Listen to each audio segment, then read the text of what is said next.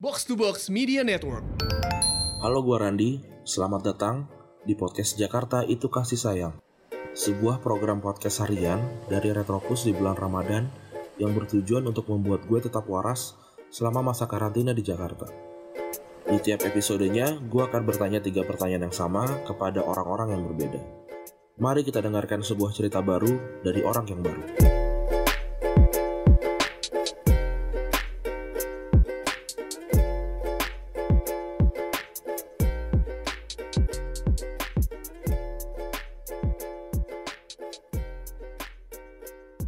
Jakarta itu kasih sayang episode ke-22. Ini hari ke-22 kita berpuasa. Dan ini adalah orang ke-22 yang akan berbagi cerita. Tapi ini cukup berbeda karena uh, Dari semuanya cuma yang ini doang baru kali ini nih Yang ingin anonim. Karena sepertinya ceritanya cukup sensitif Dan tadi kalau kita ngobrol katanya masih ada sedikit trauma di ceritanya. Uh, Tapi sebelum kita mulai ceritanya Gue pengen... Uh, nanya ke lu dulu nih, balik lagi bro. Ini 100% asli ya, bener ya? Ya ini ya kejadian langsung sama gue. Kita apa namanya kita asumsikan ini cerita benar dan kita percaya sama uh, teman kita yang akan cerita ini. Jadi silakan perkenalkan nama lu. Oke, jadi gue di sini nggak akan nyebutin nama. Gue ya, ya alias aja, aja lah. Uh, ya. Anto aja Anto ya kita kasih nama Anto.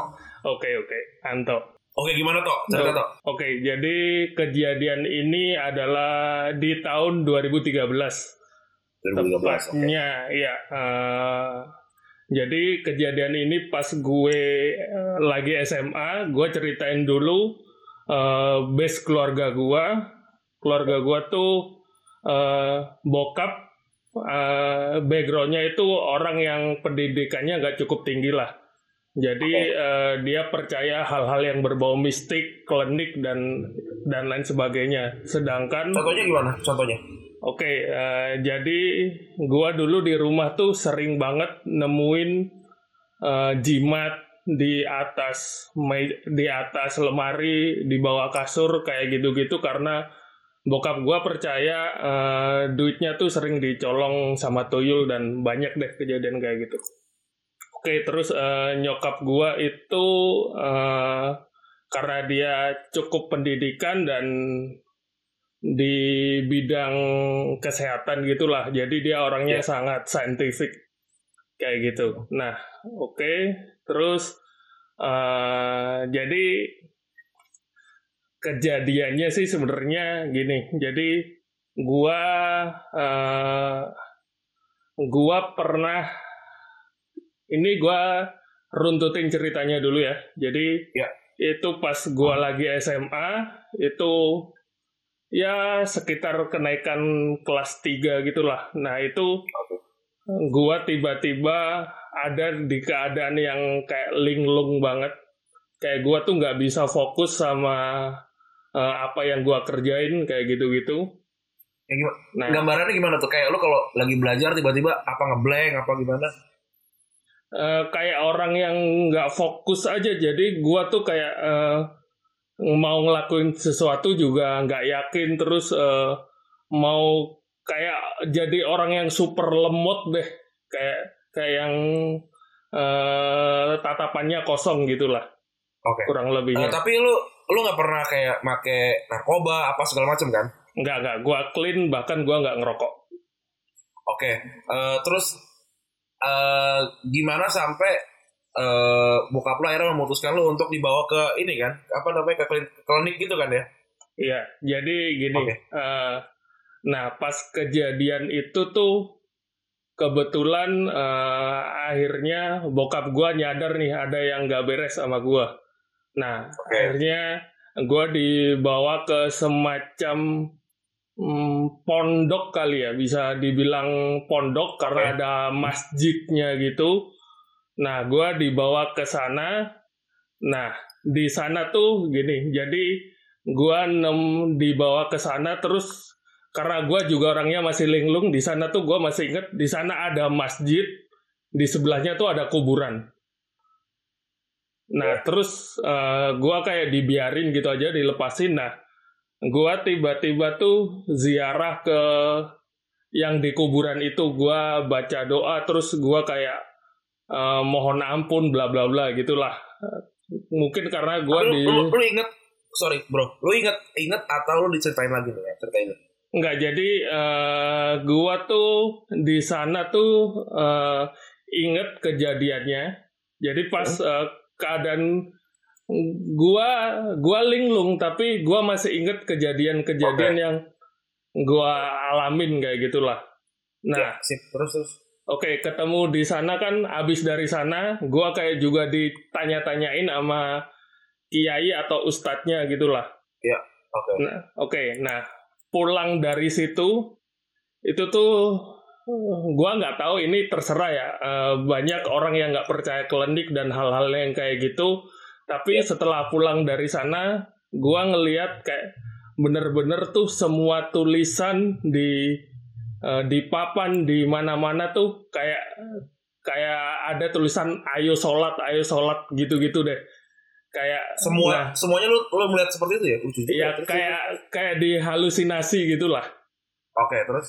Jadi eh, itu tuh dan gua pulang, gua karena saking takutnya. Ya. Nah itu tuh gua akhirnya eh, sholat tapi gua nggak bisa. Kayak gua tuh lupa semua gerakannya, bacaannya. Gua ulang-ulang sampai gua nangis dan gitu-gitu. Nah terus pada akhirnya eh itu tuh selang berapa lama gua nggak hafal harinya itu tuh sampai kejadian gua eh, kayak diburu-buru mati gitu jadi kayak gimana, kematian tuh makin ngedeketin gue gitu loh kayak jadi orang Gimana kayak wah, paranoid lah Parno ya. Feelnya, Iya. feelnya gimana tuh? Feelnya gimana tuh? jadi gua takut banget kayak nih gua karena gue sekarang udah sadar apa yang terjadi dulu kayak gua ketemu orang tuh bahkan kayak gua ngerasa anjing nih malaikat nih yang datengin oke. gue terus ya hal-hal yang kayak gitu lah bener-bener paranoid isi orangnya nah Oke. terus sampai di satu titik eh, gua nggak kuat nih kayaknya emang ini tuh eh, makin parah semenjak dari si pondok itu Hmm. nah gua sampai pada akhirnya eh, di rukiah lah Ya. nah Di tempat berbeda ya? iya eh, gua di rukiah di rumah Oke. Oke, jadi gua abis di Rukiah itu, eh gua masih inget banget, gua kayak muntahin sesuatu yang kayak ijo-ijo kayak apa ya? Kayak lu tahu ini deh, akar-akar gitu deh. Itu yang gua lihat. Akar, Tapi ya- akar tumbuhan gitu. Ya akar tumbuhan banyak banget gitu deh. Tapi Uh-huh. nyokap gua ngelihatnya kayak gua muntahin liur biasa aja. Oke. Kayak Berarti gitu. kayak dihalusinasi lo lah kurang lebihnya gitu ya? Iya, iya kayak gitu terus, terus, terus. Nah setelah kejadian itu gue lebih tenang. Habis di Rukia tuh abi, eh, lebih tenang dan kayaknya eh, nyokap gue tuh ngerasa ini tuh bukan diguna-guna atau sebagainya. Jadi akhirnya gue diputusin dibawa ke rumah sakit saat itu oleh nyokap gue.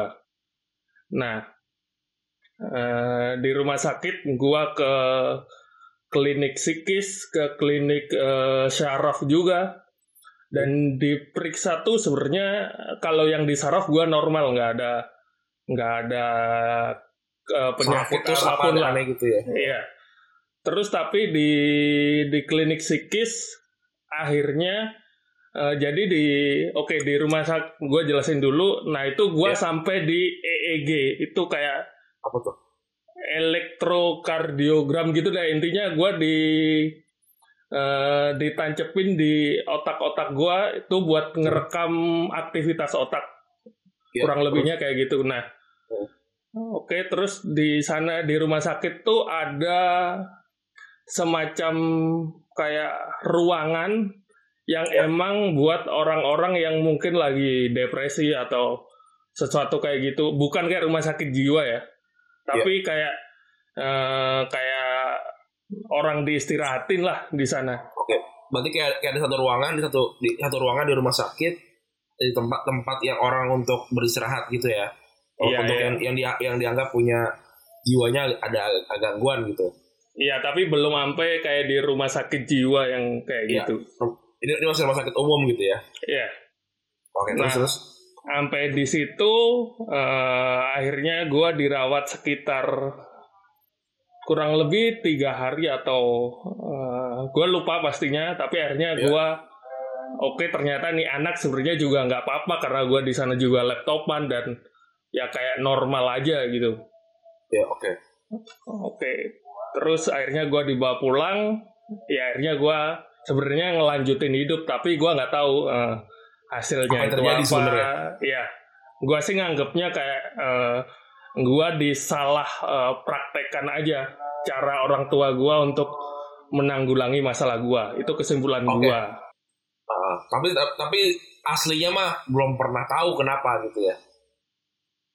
Nah, eh, itu itu berapa lama tuh? Eh, dari proses awal sampai Sampai, sampai akhirnya sembuh gitu. Eh, gua nggak bisa pastiin, cuman kayaknya kurang lebih tiga minggu kali. Oke, tiga minggu. Terus lu ngerasa kayak eh, sebelumnya tuh emang kayak lu ternyata stres ujian apa atau segala macam diputusin pacar apa gitu? Eh, gua nggak diputusin pacar, cuman kayaknya berhubungan sama akademik deh. Gua nggak tahu Oke. sih itu. Nah, Tapi saat mungkin itu kenapa? La- Lagi mau lagi mau ujian apa mau apa tuh? paling ya kayak naik kelas 3 aja kali ya. Oke oke oke. oke. Berarti kalau kalau kalau dipikir dipikir secara normal mah begitu gitu, tapi ternyata ternyata bok- bokap lu punya punya pandangan lain yang tapi ternyata setelah setelah rasa itu justru malah bikin parah gitu. Ya, kurang lebihnya kayak gitulah. Oke, terus sekarang hubungan lu dan keluarga gitu dan bokap segala macam gitu gimana? eh ya so, ya jalan kayak normal aja kayak eh, hal itu tuh jadi hal yang kayak tabu gitu dibicarain di rumah. Oke oke. Oke. Terus eh, hal apa yang paling lu inget saat lu dikejar-kejar sama kematian? Maksudnya gimana gimana sampai lu berpikiran kayak wah ini ini kematian nih gitu. Gimana gimana?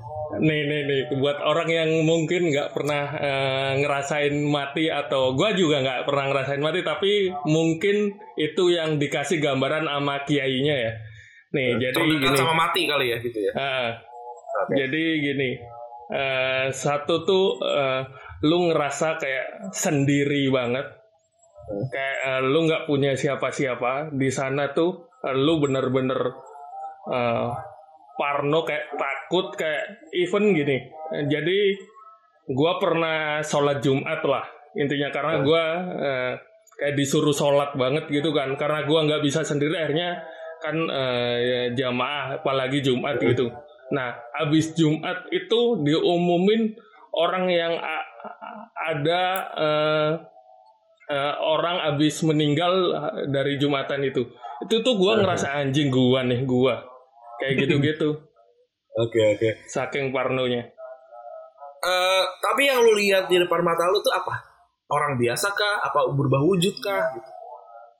Eh, ada beberapa orang yang eh, berubah wujud terus gua juga ngelihat banyak keluarga gua juga nangis jadi nah gua hmm, jadi keluarga gua tuh juga kayak udah ngerelain gua gitu gitulah even gua ngomong kayak- gini Gimana gimana? yang paling ekstrim tuh gua pernah ngomong ke ke keluarga gua eh, kayak makamin gua kayak gini ya kayak gitulah Mhm. Eh, tapi apa ya? Ketika itu sebelum terjadi dan ketika terjadi itu kayak split second aja jebret berubah aja lo gitu. Jadi tiba-tiba kalau mungkin orang anggap kayak apa gila gitu. Gila gila orang gila gitu enggak? Eh, kayak lebih ke orang yang takut banget sih kayak eh, nggak logis aja nih anak Ah, karena mungkin orang nggak ngelihat apa yang gue lihat Oke oke oke. Oke oke menarik menarik banget. Oke. Oke, kita masuk ke pertanyaan gue ya. Tiga pertanyaan gue ya. Oke, kalau cuma ada satu lagu yang tersisa di dunia ini, lagu apa itu dan kenapa lo pilih lagu itu?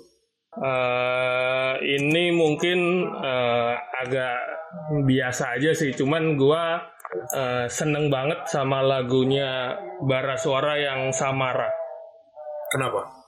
Oke, jadi eh, ini terlepas dari kejadian itu, ini tuh lagu yang nemenin gua saat skripsian. Jadi eh, gua suka banget liriknya dan bahkan gua bisa pegang ini kali ya lirik ini. Jadi gue suka bagian yang uh, kita bisa tenggelam dan bisa padam atau bangkit berjalan lalu melawan. Itu Oke, itu gimana cara lo memaknai lirik itu gimana? Jadi uh, ini tuh pilihan hidup lo aja. Jadi lo mau ya kalau lo jatuh terus lo mau semakin sedih dan ya makin hancur aja atau ya udah lo mau fight back buat perjuangin apa yang bikin lo jatuh kayak gitu sih. Oke, kita masuk pertanyaan kedua ya. Apa pedoman lo dalam menjalani hidup bisa quotes, mantra atau ayat kitab suci? Uh, jadi uh, gua uh, lupa ini kata siapa, tapi ya. intinya tuh uh, semesta nih ngejagain lo. Intinya okay. sih itu aja. Nah, Uh, jadi gua nggak uh, perlu takut-takut lagi. Mungkin uh, gua juga dengerin uh, beberapa episode lu nih. Kan hmm? lu paling benci sama orang yang bilang uh, semesta ini nggak berputar dengan pusatnya lo, gitu yeah. kan. Hmm. Nah, tapi oke okay, mungkin lu bukan pusat alam semesta, tapi alam yeah. semesta tuh jagain lo. Hmm. Jadi uh, selama lu nggak berbuat jahat ke orang, nggak ngerugiin orang, ya semesta bakal jagain lo anyway kayak gitu. Dan lu merasa uh, semesta juga melindungi lo ketika kasus si 2013 itu? Iya, akhirnya gue oh nggak kok mungkin ini emang jalannya jadi ya ya udah uh, mungkin semesta lagi ngasih pelajaran gue tentang hmm. mungkin arti hidup dan ya akhirnya uh, gue juga bisa balik dan ya emang ya udah gue tetap oke okay. oke okay, pertanyaan terakhir um, apa yang paling berubah dalam hidup lo semenjak pandemi covid ini terjadi uh, kalau dari segi pandemi sih uh, yang satu gue nggak bisa balik ke rumah gue harus stay okay. di Jakarta okay. dan oh, orang daerah Iya, orang daerah lah intinya. Oh dan uh, ya paling dari segi penghasilan juga ada penurunan lah. Oke, lo karyawan kantoran apa gimana? Ya, kantoran swasta biasa. Oke, oke, oke. Uh, tapi ekonomi gimana? Uh, kan apa karena di, dikurangin gaji atau gimana? Iya, dikurangin gaji sih. Oke, tapi tetap work from home ya? Iya, udah ya dua bulan lebih lah. Dua bulan dan lebih ya, oke. Oke deh bro, uh, tadi gue kasih nama siapa sih Anto ya. Oke Anto, uh, terima kasih lu sudah bercerita di episode kali ini. Um, sangat, sangat menarik ceritanya. Terima kasih juga teman-teman yang sudah mendengarkan episode kali ini. Semoga dapat uh, pencerahan tertentu nih. Kali aja ada yang penasaran kan gimana perasaannya orang yang dikejar-kejar sama malaikat maut kan ini tadi ada ceritanya. Oke, uh, terima kasih yang sudah mendengarkan. Gue Randy cabut. Bye.